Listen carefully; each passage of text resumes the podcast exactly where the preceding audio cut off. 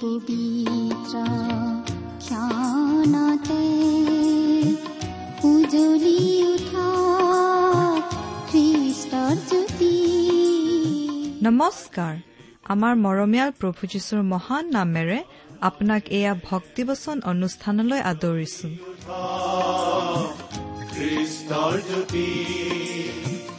আকাশ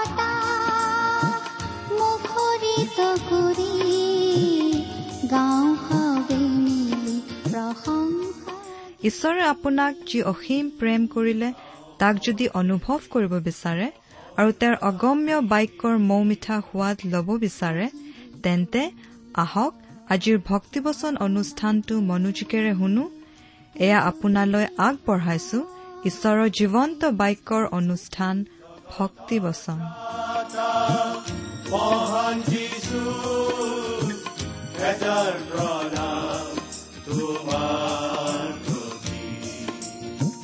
গ্ৰহণ কৰাই ভক্তি বচন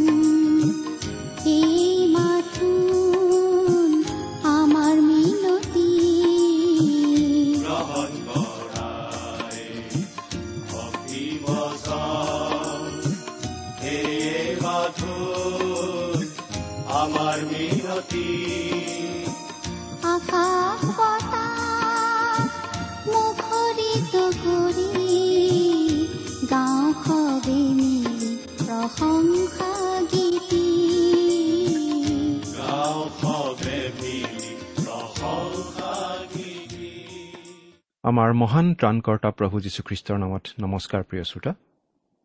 আপোনাৰ ভালনে? এই দুখমোকালিতে আপুনি যে ৰেডিঅ'টো অন কৰি আমাৰ এই ভক্তিবচন অনুষ্ঠান শুনিবলৈ আগ্ৰহেৰে বাট চাই আছে সেই কথা ভাবিলে আমি অতি আনন্দিত হওঁ। কিন্তু লগতে আমাৰ দায়িত্বৰ কথাও মনত পেলাওঁ। আমাৰ এই অনুষ্ঠানৰ জৰিয়তে যাতে আপোনালোক উপকৃত হ'ব পাৰে সেই বিষয়ে আমি অধিক যত্ন কৰিব লগা হয়। এই কামত কিন্তু আপুনি আমাক সহায় কৰিব পাৰে। কেনেকৈ জানেনে প্ৰিয় শ্ৰোতা? আপোনাৰ চিঠি পত্ৰৰ দ্বাৰা। আপুনি যদি আমালৈ মাজে সময়ে চিঠি পত্ৰ পঠিয়াই থাকে আৰু এই অনুষ্ঠান সম্বন্ধে আপোনাৰ মতামত আদি আগবঢ়াই থাকে তেতিয়া আমি বুজি পাম আমাৰ অনুষ্ঠানৰ কি কি দিশত উন্নতি কৰা উচিত। অনুগ্ৰহ কৰি আমাক সেই সহায়কণ কৰিবনে প্ৰিয় শ্ৰোতা? হাতত কাগজ কলম তুলি লৈ আমালৈ দুষাৰিমান লিখি পঠিয়াবনে? আমাৰ ঠিকনা। ভক্তিবচন টি ডব্লিউ আৰ ইণ্ডিয়া ডাক বাকচ নম্বৰ সাত শূন্য গুৱাহাটী সাত আঠ এক শূন্য শূন্য এক। ভক্তিবচন T W R India postbox number seventy Guwahati seven eight one zero' zero' one. আমাৰ website W W W dot radio' eight eight two dot com. প্ৰিয় শ্ৰোতা আপুনি যদি আমাৰ এই ভক্তিবচন অনুষ্ঠান নিয়মিতভাৱে শুনি আছে তেনেহ'লে আপুনি জানে যে যোৱা অনুষ্ঠানত আমি বাইবেলৰ এখন নতুন পুস্তকৰ অধ্যয়ন আৰম্ভ কৰিছিলোঁ আৰু সেই পুস্তকখন আছিল বাইবেলৰ নতুন নিয়ম খণ্ডৰ জোহনে লিখা তৃতীয় পত্ৰ বা চমুকৈ তৃতীয় জোখন যোৱা অনুষ্ঠানত এই তৃতীয় জোখন পুস্তকখনৰ এটা চমু পৰিচয় আমি আগবঢ়ালোঁ। আজিৰ অনুষ্ঠানত আমি এই তৃতীয় জোখন পুস্তকৰ প্ৰথম পদৰ পৰাই আমাৰ আলোচনা আৰম্ভ কৰিব খুজিছোঁ। আহক আমাৰ আজিৰ বাইবেল অধ্যয়ন আৰম্ভ কৰাৰ আগতে প্ৰাৰ্থনাত মূৰ্ণত কৰোঁ হওক। আমি প্ৰাৰ্থনা কৰোঁ। হে আমাৰ স্বৰ্গত থকা অসীম দয়ালু পিতৃ ঈশ্বৰ তোমাৰ মহান নামৰ ধন্যবাদ কৰোঁ। সকলো গৌৰৱ প্ৰশংসা তুমিয়েই পাবৰ যোগ্য। তোমাক অশেষ ধন্যবাদ প্ৰভু। কিয়নো তুমি আমাক সকলো ধৰণে আশীৰ্বাদ কৰি আহিছা। তোমাক বিশেষভাৱে ধন্যবাদ দিওঁ কাৰণ তুমি আমাক উদ্ধাৰ কৰিবলৈ তোমাৰ একেজাত পুত্ৰ যীশুখ্ৰীষ্টকে জগতলৈ পঠালা যাতে তেওঁত বিশ্বাস কৰি আমি আমাৰ সকলো পাপ অপৰাধৰ পৰা ক্ষমা লাভ কৰি পৰিত্ৰাণ পাব পাৰোঁ আৰু তোমাৰ সন্তান হ'ব পাৰোঁ। প্ৰভু তোমাৰ মহান অনুগ্ৰহ অমৰ প্ৰেমৰ তুলনা নাই। তোমাৰ মহান বাক্য বাইবেল শাস্ত্ৰ অধ্যয়নৰ এই অনুষ্ঠান ইমান দিনে সুকলমে চলাই অনাত তুমি আমাক বিশেষভাৱে সহায় কৰি আহিছা। এই অনুষ্ঠানৰ যোগেদি অনেক লোকক তুমি আশীৰ্বাদ কৰিছা। তাৰ বাবে তোমাক অশেষ ধন্যবাদ জনাইছো। আজিৰ এই অনুষ্ঠান তুমিয়েই পৰিচালনা কৰা। তুমি আমাক বিশেষভাৱে কথা কোৱা। অনুষ্ঠান শুনি থকা প্ৰতিজন শ্ৰোতাৰ আগত তুমি নিজকে প্ৰকাশ কৰা। তেওঁলোকৰ জীৱনত উপচি পৰাকৈ আশীৰ্বাদ কৰা। তেওঁলোকৰ জীৱন সৰগীয় সুখ সৰগীয় শান্তিৰে পূৰ্ণ কৰা। কিয়নো এই প্ৰাৰ্থনা আমাৰ জীৱিত ত্ৰাণকৰ্তা মৃত্যুঞ্জয়ী প্ৰভু যীশুখ্ৰীষ্টৰ নামত অৰ্পণ কৰিলো। আমেন।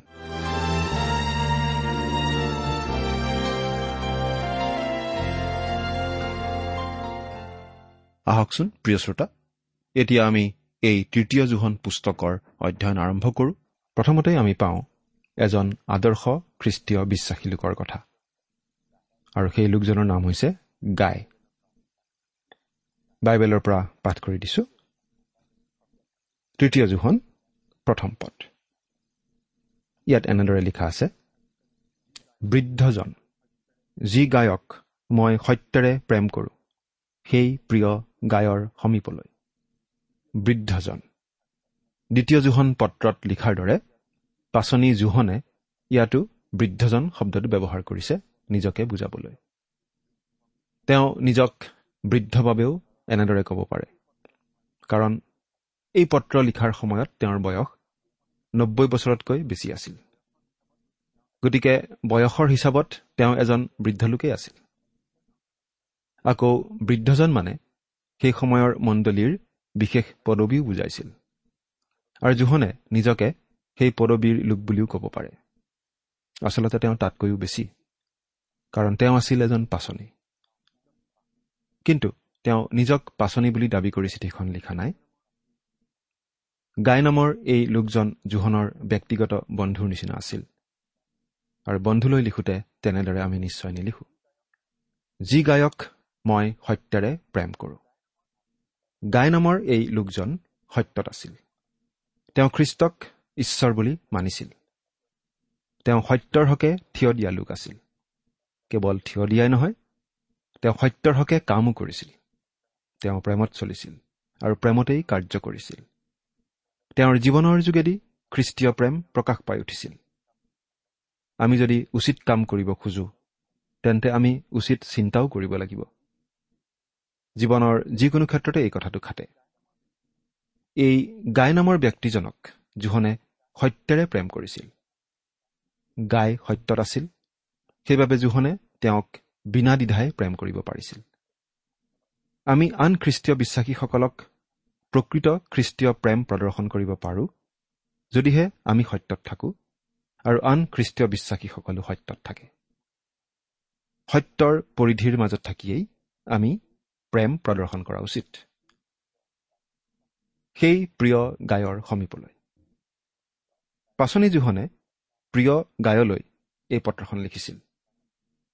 গাই আছিল মণ্ডলীৰ এজন প্ৰিয় লোক। জোহনে তেওঁক প্ৰিয় বুলি চাৰিবাৰ উল্লেখ কৰিছে এই পত্ৰখনত। জোহনে তেওঁক প্ৰভূত জানিছিল আৰু প্ৰভূত প্ৰেম কৰিছিল। তেওঁৰ জীৱন আৰু কাৰ্যাৱলী দেখি জোহনৰ অন্তৰত আনন্দ আছিল আৰু তেওঁলৈ এই পত্ৰখন লিখিছিল। দুই নম্বৰ পদটো পঢ়ি দিম। ইয়াত এনেদৰে লিখা আছে হে প্ৰিয় তোমাৰ জীৱাত্মা যেনে কুশল প্ৰাপ্ত তেনেকৈ সকলো বিষয়তে তোমাৰ কুশল আৰু স্বাস্থ্য হওক এই মোৰ প্ৰাৰ্থনা। হে প্ৰিয় জোহনে গায়ৰ কথা প্ৰায়েই মনত পেলাইছিল যেন লাগে। তেওঁ গায়ৰ ঘনিষ্ঠ আছিল যেন লাগে। এয়া আকৌ তেওঁ গায়ক প্ৰিয় বুলি সম্বোধন কৰিছে। তোমাৰ জীৱাত্মা যেনে কুশল প্ৰাপ্ত জোহনে এই কথাটো প্ৰকাশ কৰিছে যে গাই যেন আত্মাত কুশল প্ৰাপ্ত অৱস্থাত থাকে আত্মিকভাৱে বৃদ্ধি পাই থাকে। আমাৰ মাজত বহুতো খ্ৰীষ্টীয় বিশ্বাসী লোক আছে যিসকল আত্মিকভাৱে ৰোগীয়া। শাৰীৰিকভাৱে সুন্দৰ স্বাস্থ্য থাকিলেও তেওঁলোক আত্মিকভাৱে ৰুগ্ন। কিন্তু আমি খ্ৰীষ্টীয় বিশ্বাসীসকলে শাৰীৰিক আৰু আত্মিক দুয়ো প্ৰকাৰে সুন্দৰ স্বাস্থ্যৰ অধিকাৰী হ'বলৈ হাবিয়াস কৰা উচিত। সুন্দৰ শাৰীৰিক স্বাস্থ্যটো আমাৰ বাবে প্ৰয়োজনীয় কথা। বহু সময়ত আমি স্বাস্থ্য নেহেৰুৱালৈকে বা বেমাৰত নপৰালৈকে এই কথাটো অনুভৱ নকৰোঁ। ঠিক একেদৰে আত্মিকভাৱে সুন্দৰ স্বাস্থ্য লাভ কৰিবলৈও আমি হাবিয়াস কৰিব লাগে। শৰীৰৰ বাবে আমাৰ ভাল স্বাস্থ্য যেনেকুৱা আত্মিক জীৱনৰ বাবে পবিত্ৰতাও তেনেকুৱা। আত্মিকভাৱে স্বাস্থ্যৱান হৈ থকাটোৱেই আচলতে পবিত্ৰতা। আৰু এই পবিত্ৰতা খ্ৰীষ্টৰ জ্ঞান আৰু অনুগ্ৰহত বৃদ্ধি পাই থাকিব লাগে। সেই সময়ত খ্ৰীষ্টৰ বাক্য ঘোষণা কৰি ফুৰা শিক্ষক প্ৰচাৰক আদিক খ্ৰীষ্টীয় বিশ্বাসীসকলেই আলহীকৈ ৰাখিছিল। কোনো শিক্ষক প্ৰচাৰক সেই ঠাইলৈ আহিলেই এই গাই নামৰ লোকজনে নিজৰ ঘৰত আঠে বেঠে ৰাখিছিল। গাই বহল মনৰ লোক আছিল। তেওঁ প্ৰেমত চলিছিল। তেওঁ সত্যটো চলিছিল। আৰু এই শিক্ষক প্ৰচাৰকসকলক তেওঁ পৰীক্ষা কৰি জানি লৈছিল। তেওঁৰ স্বাস্থ্য বেছি ভাল নথকা সত্বেও তেওঁ অতিথি পৰায়ণতাত সক্ৰিয় আছিল। তেনেকৈ সকলো বিষয়তে তোমাৰ কুশল আৰু স্বাস্থ্য হওক এই মোৰ প্ৰাৰ্থনা। পাচনি জোহনে প্ৰাৰ্থনা কৰিছিল যাতে গায়ৰ স্বাস্থ্যও ভালে থাকে। যাতে সকলো বিষয়তে তেওঁৰ মংগল হয়। তিনি নম্বৰ পদটো পঢ়ি দিছো। কিয়নো ভাইবিলাকে আহি তোমাৰ অন্তৰত থকা সত্যৰ বিষয়ে অৰ্থাৎ তুমি কেনেকৈ সত্যত চলিছা সেই বিষয়ে সাক্ষ্য দিয়াত মই অতিশয় আনন্দিত হলো। বিভিন্ন ঠাই পৰিভ্ৰমণ কৰি খ্ৰীষ্টৰ বাক্য বিলাই ফুৰা বহুতো শিক্ষক প্ৰচাৰক আহি নিশ্চয় পাচনি জোহনক গায়ৰ বিষয়ে কৈছিলহি। গাই যে অতি অনুগ্ৰহশীল আৰু সত্যত চলা লোক আছিল নিশ্চয় সেই কথা কৈছিলহি কিয়নো ভাইবিলাকে আহি তোমাৰ অন্তৰত থকা সত্যৰ বিষয়ে অৰ্থাৎ তুমি কেনেকৈ সত্যত চলিছা সেই বিষয়ে সাক্ষ্য দিয়াত মই অতিশয় আনন্দিত হলো। এইটো আছিল খ্ৰীষ্টীয় বিশ্বাসী ভাইবিলাকে গায়ৰ বিষয়ে দিয়া সাক্ষ্য। তেওঁলোকে গায়ৰ বিষয়ে এনেকুৱা ধাৰণা কৰি ল'ব পাৰিছিল। সত্য মানে আচলতে খ্ৰীষ্টীয় বিশ্বাসৰ মূল তত্ববোৰৰ কথা বুজোৱা হৈছে। পাচনিবিলাকে শিকোৱা কথাক বুজোৱা হৈছে। সত্যত চলা মানে আমি এই বুলি বুজি পাওঁ যে গাই কেৱল সত্যতেই আছিল বা তেওঁ যে কেৱল সত্য বিশ্বাস কৰিছিল এনে নহয়। সেই বিশ্বাস তেওঁৰ আচৰণত প্ৰকাশ পাই উঠিছিল। তেওঁৰ জীৱনৰ যোগেদি প্ৰকাশ পাই উঠিছিল। সত্যত চলাটোৱেই খ্ৰীষ্টীয় বিশ্বাসীৰ চিন। ইয়াত সত্যক প্ৰাধান্য দি কথাখিনি কোৱা হৈছে। খ্ৰীষ্টীয় জীৱনৰ মূল কথাটো হৈছে সত্যত চলা পোহৰত চলা। আমি কেনেকৈ খোজকাঢ়ো বা চলো তাতকৈ আমি ক'ত চলো বা ক'ত খোজকাঢ়ো সেইটোহে বেছি গুৰুত্বপূৰ্ণ। প্ৰিয় শ্ৰোতা আপুনি বাৰু সত্যত চলি আছেনে? সত্যত চলা মানে উচিত আচৰণ কৰি চলা। আৰু খ্ৰীষ্টীয় ভাই ভনীসকলৰ প্ৰতি প্ৰেম প্ৰদৰ্শন কৰি চলাৰ কথাটোও বুজায়। গায়ে কোনজন প্ৰকৃত খ্ৰীষ্টীয় বিশ্বাসী সহজে চিনি পাইছিল। খ্ৰীষ্টীয় বিশ্বাসীসকলৰ বাবে তেওঁৰ ঘৰৰ দুৱাৰ সদায় মুকলি আছিল। ইয়াতে আমি আৰু এটা কথা মন কৰা উচিত। গায়ৰ বিষয়ে ইমান ভাল কথা শুনি পাচনি জোহনে খুব আনন্দ পাইছিল। তেওঁ যে গায়ক ভাল পাইছিল তাৰে এইটো প্ৰমাণ। আমি বাৰু আন খ্ৰীষ্টীয় বিশ্বাসীৰ বিষয়ে ভাল কথা শুনিলে আনন্দ পাওঁনে?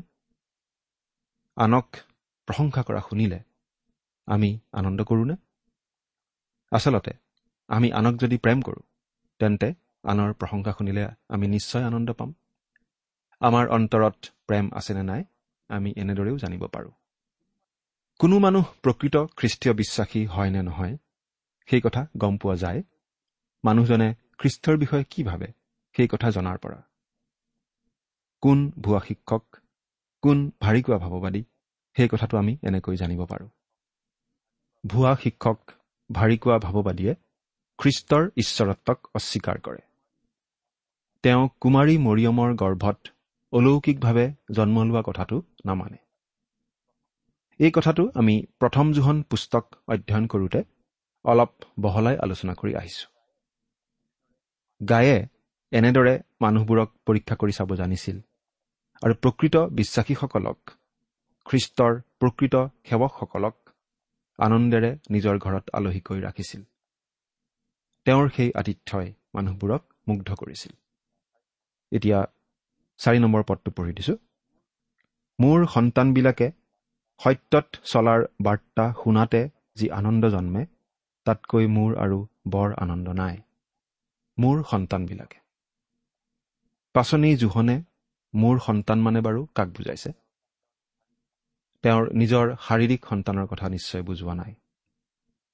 আত্মিক সন্তানৰ কথাহে বুজাইছে। তেওঁৰ যোগেদি খ্ৰীষ্টক চিনি পোৱা খ্ৰীষ্টক ত্ৰাণকৰ্তা বুলি গ্ৰহণ কৰা লোকসকলকেই তেওঁ তেওঁৰ আত্মিক সন্তান বুলি কৈছে।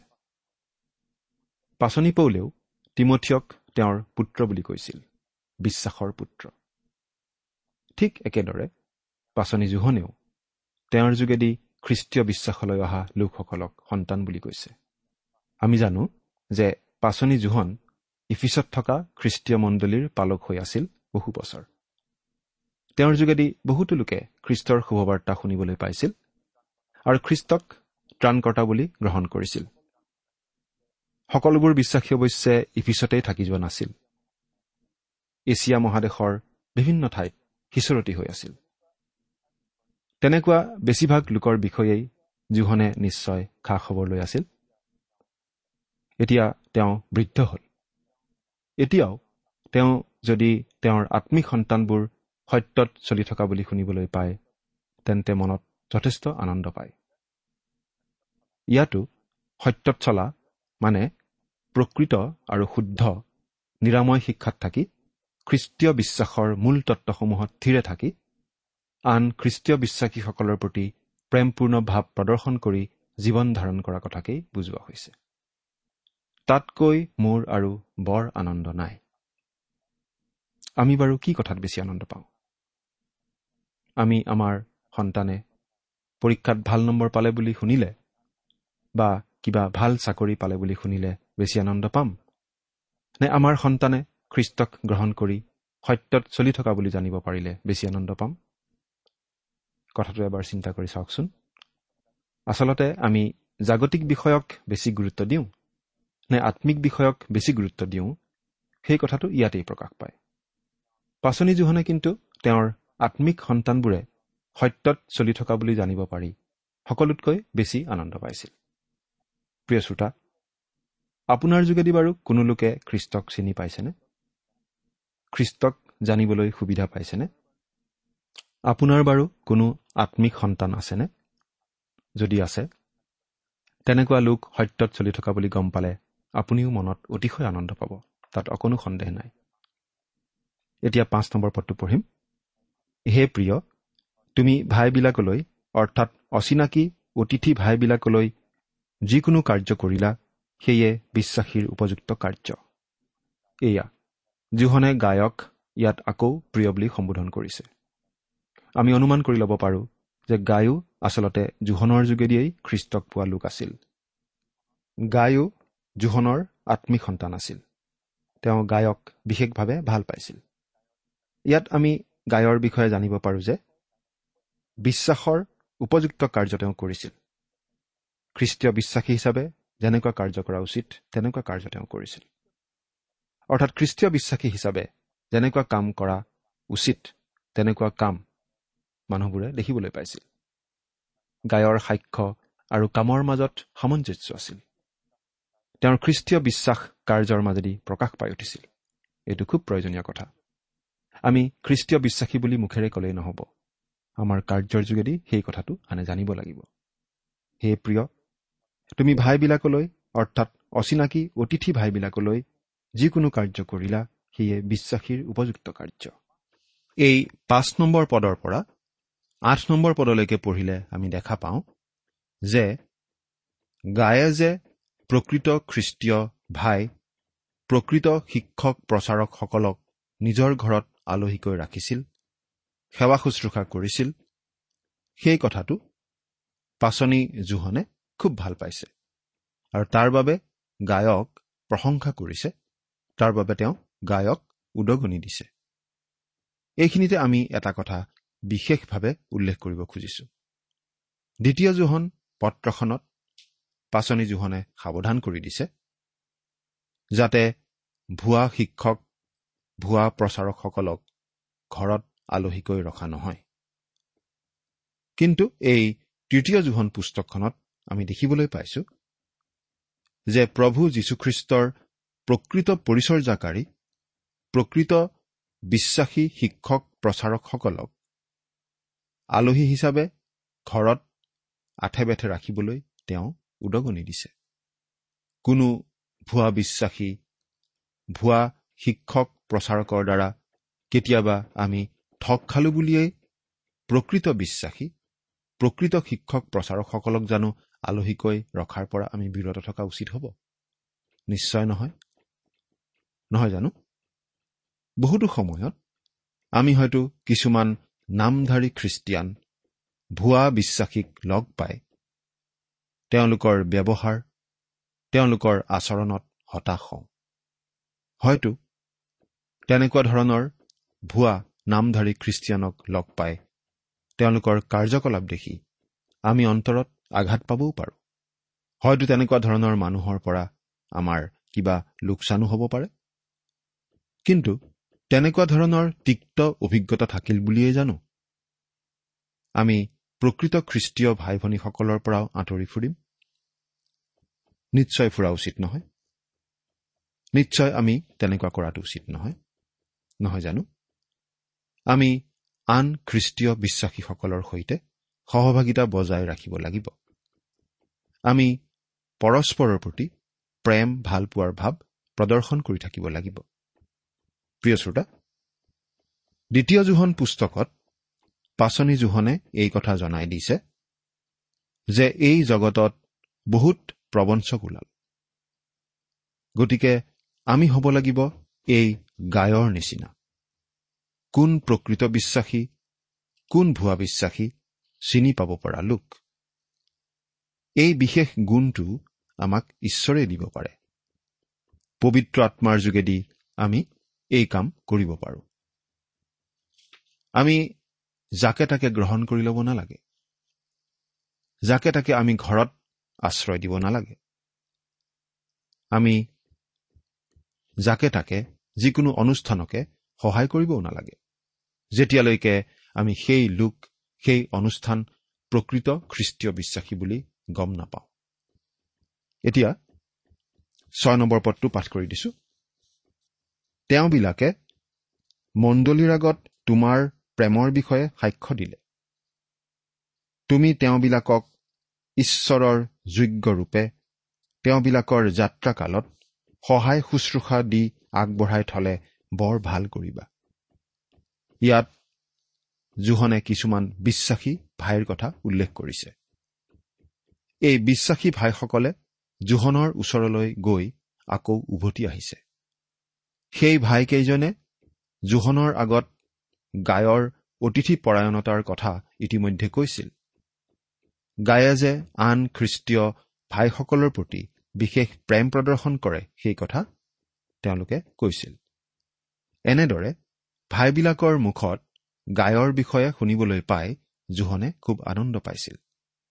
সেয়েহে এতিয়া গায়ে যাতে সেই ভাইবিলাকৰ প্ৰতি একেধৰণৰ সেৱা শুশ্ৰূষা আগবঢ়ায় সেইটো জোহনে বিচাৰিছে। তুমি তেওঁবিলাকক ঈশ্বৰৰ যোগ্য ৰূপে তেওঁবিলাকৰ যাত্ৰাকালত সহায় শুশ্ৰূষা দি আগবঢ়াই থলে বৰ ভাল কৰিবা। এটা কথা মন কৰকচোন। দ্বিতীয় জোহন পুস্তকত জোহনে কি কৈছিল? পাঠ কৰি দিছো। কোনোৱে যদি সেই উপদেশ নলৈ তোমালোকৰ ওচৰলৈ যায় তেন্তে তেওঁক ঘৰত গ্ৰাহ্য নকৰিবা আৰু মংগল হওক বুলি তেওঁক নকবা। কিয়নো মংগল হওক বুলি যিজনে তেওঁক কয় তেওঁ তেওঁৰ দুষ্কৰ্মৰ সহভাগী হয়। এয়া আছিল দ্বিতীয় জোহন দহ আৰু এঘাৰ নম্বৰ পদ। আমি ভুৱা শিক্ষকক আলহী ৰাখিলে সহায় কৰিলে মংগলবাদ দিলে আমিও তেওঁবিলাকৰ দুষ্কৰ্মৰ সহভাগী হোৱাৰ নিচিনা হয়। আমিও তেওঁলোকৰ সেই দুষ্কৰ্মত ভাগ লোৱা যেন হয়। আৰু ইয়াত কি কৈছে? আমি যদি প্ৰকৃত বিশ্বাসী ঈশ্বৰৰ প্ৰকৃত পৰিচৰ্যাকাৰী শিক্ষক প্ৰচাৰক আদিক সহায় শুশ্ৰূষা আদি আগবঢ়াওঁ তেন্তে আমি সৎ কাম কৰা হয়। এই কথাটো আমি মনত ৰখা উচিত।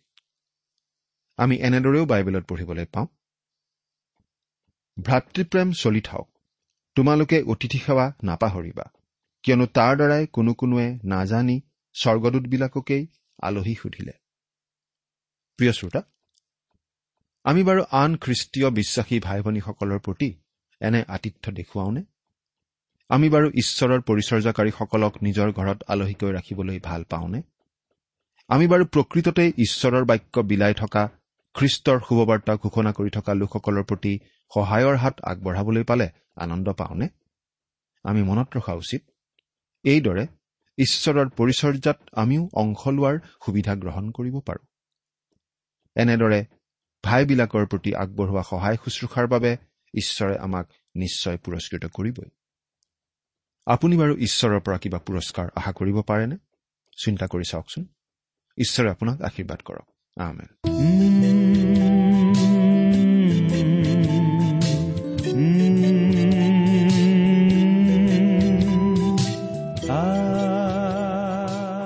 ইমান পৰে আপুনি ভক্তিবচন অনুষ্ঠানটি শুনিলে। এই বিষয়ে আপোনাৰ মতামত জানিবলৈ পালে আমি নথৈ আনন্দিত হ'ম। আমি প্ৰস্তুত কৰা বাইবেল অধ্যয়নৰ আন চিডিসমূহ পাব বিচাৰিলেও আমালৈ লিখক। অনুষ্ঠানটি শুনি কেনে পালে আমালৈ চিঠি লিখি জনাবচোন। অনুষ্ঠানত প্ৰচাৰ কৰা কোনো কথা বুজিব লগা থাকিলেও আমালৈ লিখক। আমাৰ ঠিকনা? ভক্তিবচন ট্ৰান্স ৱৰ্ল্ড ৰেডিঅ' ইণ্ডিয়া ডাক বাকচ নম্বৰ সাত শূন্য গুৱাহাটী সাত আঠ এক শূন্য শূন্য এক। ঠিকনাটো আৰু এবাৰ কৈছো ভক্তিবচন ট্ৰান্স ৱৰ্ল্ড ৰেডিঅ' ইণ্ডিয়া ডাক বাকচ নম্বৰ সাত শূন্য গুৱাহাটী সাত আঠ এক শূন্য শূন্য এক। আমাৰ ইমেইল এড্ৰেছটো হৈছে S M is T T B at the rate radio' eight eight two dot com আমাৰ website W W W dot T W R dot in আপুনি টেলিফোনৰ মাধ্যমেৰেও আমাক যোগাযোগ কৰিব পাৰে। আমাৰ টেলিফোন নম্বৰটো হৈছে শূন্য তিনি ছয় এক দুই ছয় শূন্য চাৰি ছয় সাত এক। ফোন নম্বৰটো আকৌ এবাৰ কৈছো zero' three six one two six zero' four six seven one. আজিৰ অনুষ্ঠানটি ইমানতে সামৰিছো।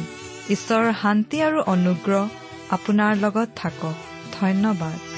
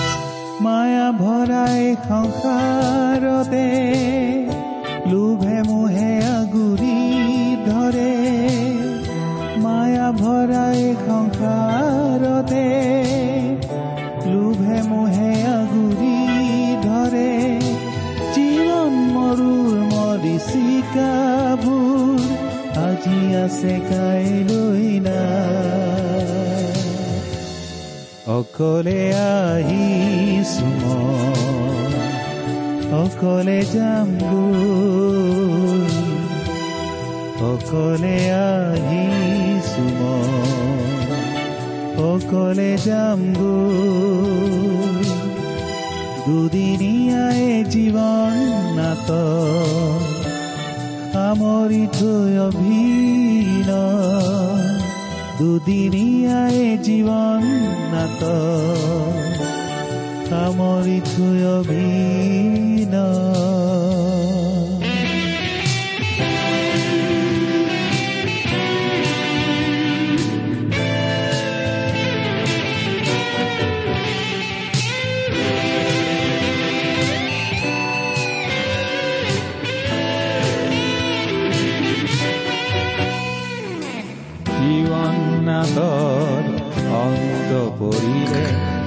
মাটিৰ দেহাতি মাটিতে মিলিলে জীৱন অন্ত পৰিলে মাটিৰ দেহাতি মাটিতে মিলিলে ধনৰ টুকুলা বিলাসী বঙলা ধনৰ টুকুলা বিলাসী বঙলা যাম সকলোকে